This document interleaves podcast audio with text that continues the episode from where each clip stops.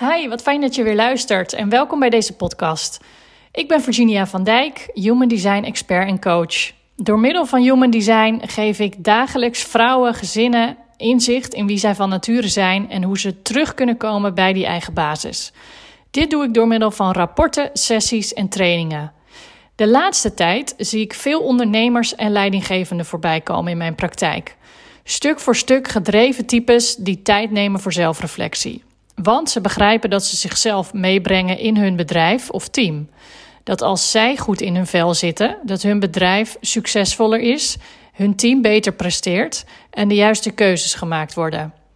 Zo had ik laatst een sessie met een ondernemer, een generator, die genoot van zijn werk als therapeut. Maar hij had het gevoel dat hij iets miste.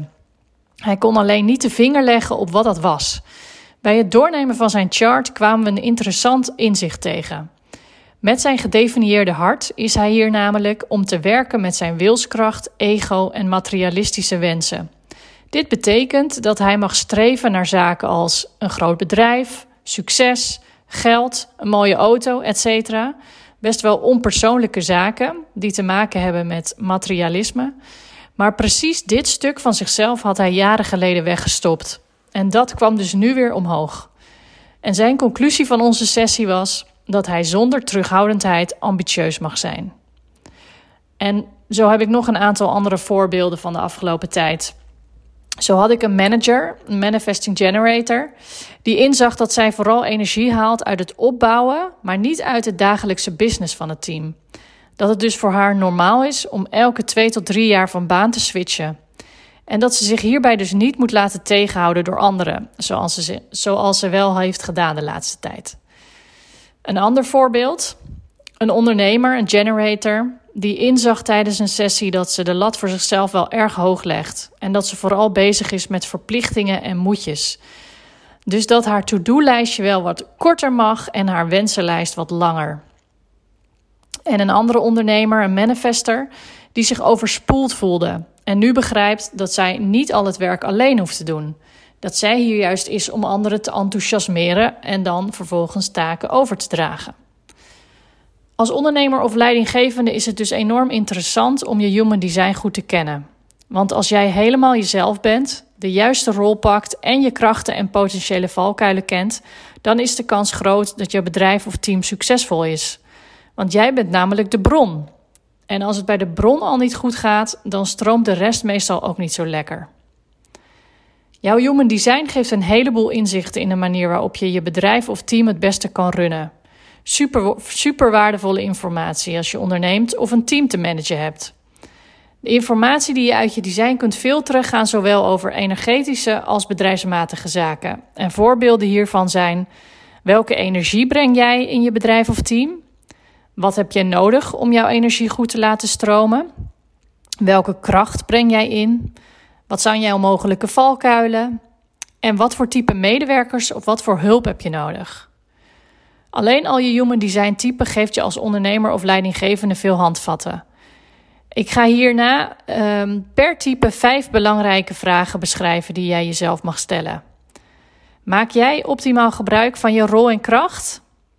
Hier komen de vragen per type. Ik begin met de manifester. De eerste vraag voor de manifester. Welke impact maakt mijn bedrijf? Is dat de juiste impact en is het voldoende? Vraag 2. Heb ik genoeg rustmomenten zodat ik mezelf ruimte geef om nieuwe verlangens te voelen? Vraag 3. Lukt het mij om anderen te enthousiasmeren om het werk te doen? Vraag 4. Ervaar ik rust of vrede in mijn werk? En vraag 5. In welke situaties voel ik woede of boosheid opkomen? Dan gaan we door naar de Manifesting Generator. Vraag 1. Laat ik de wereld zien dat je speels en succesvol tegelijk kan zijn? Vraag 2.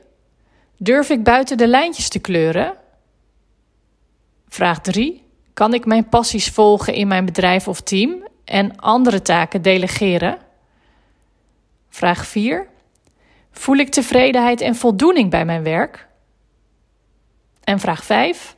In welke situaties voel ik boosheid of frustratie opkomen? En wat zegt dat mij? Dan de generator. Vraag 1. Ben ik dagelijks bezig met veel taken waar ik blij van word? Vraag 2. Op welk gebied heb ik de expertrol te pakken? Vraag 3. Zie ik dat mijn toewijding en stap voor stap aanpak mijn grootste kracht is? Vraag 4. Voel ik tevredenheid en voldoening bij mijn werk? En vraag 5.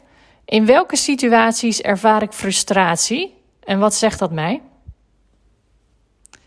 Dan gaan we door naar de projector. Vraag nummer 1 van de projector.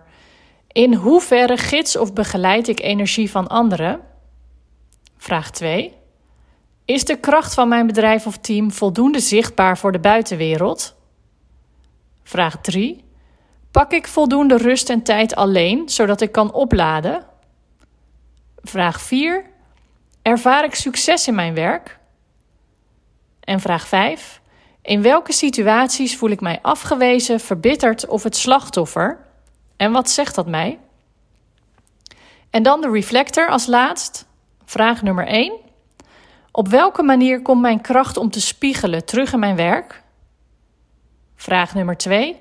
Is mijn bedrijf of team een fijne omgeving voor mij? Vraag 3. Pak ik voldoende rust en tijd alleen, zodat ik kan opladen? Vraag 4. Voel ik mij vaak verrast in mijn werk? En vraag 5. In welke situaties ervaar ik teleurstelling? En wat zegt dat mij? Goed, dat waren alle vragen per type. Wil jij nu weten wat de rest van jouw human design betekent voor jouw rol als ondernemer of leidinggevende? Dan kun je een persoonlijke sessie boeken op mijn website, een human design sessie. Dan gaan we je hele chart door om te kijken wat precies jouw energie, krachten en valkuilen zijn. En vind je het interessant om naar mijn podcast te luisteren? Dan zou je mij enorm helpen door mijn podcast te beoordelen in de app waar je nu luistert. Dankjewel. Superleuk dat je nu weer luisterde en ik zie je graag een volgende keer. Doei doei!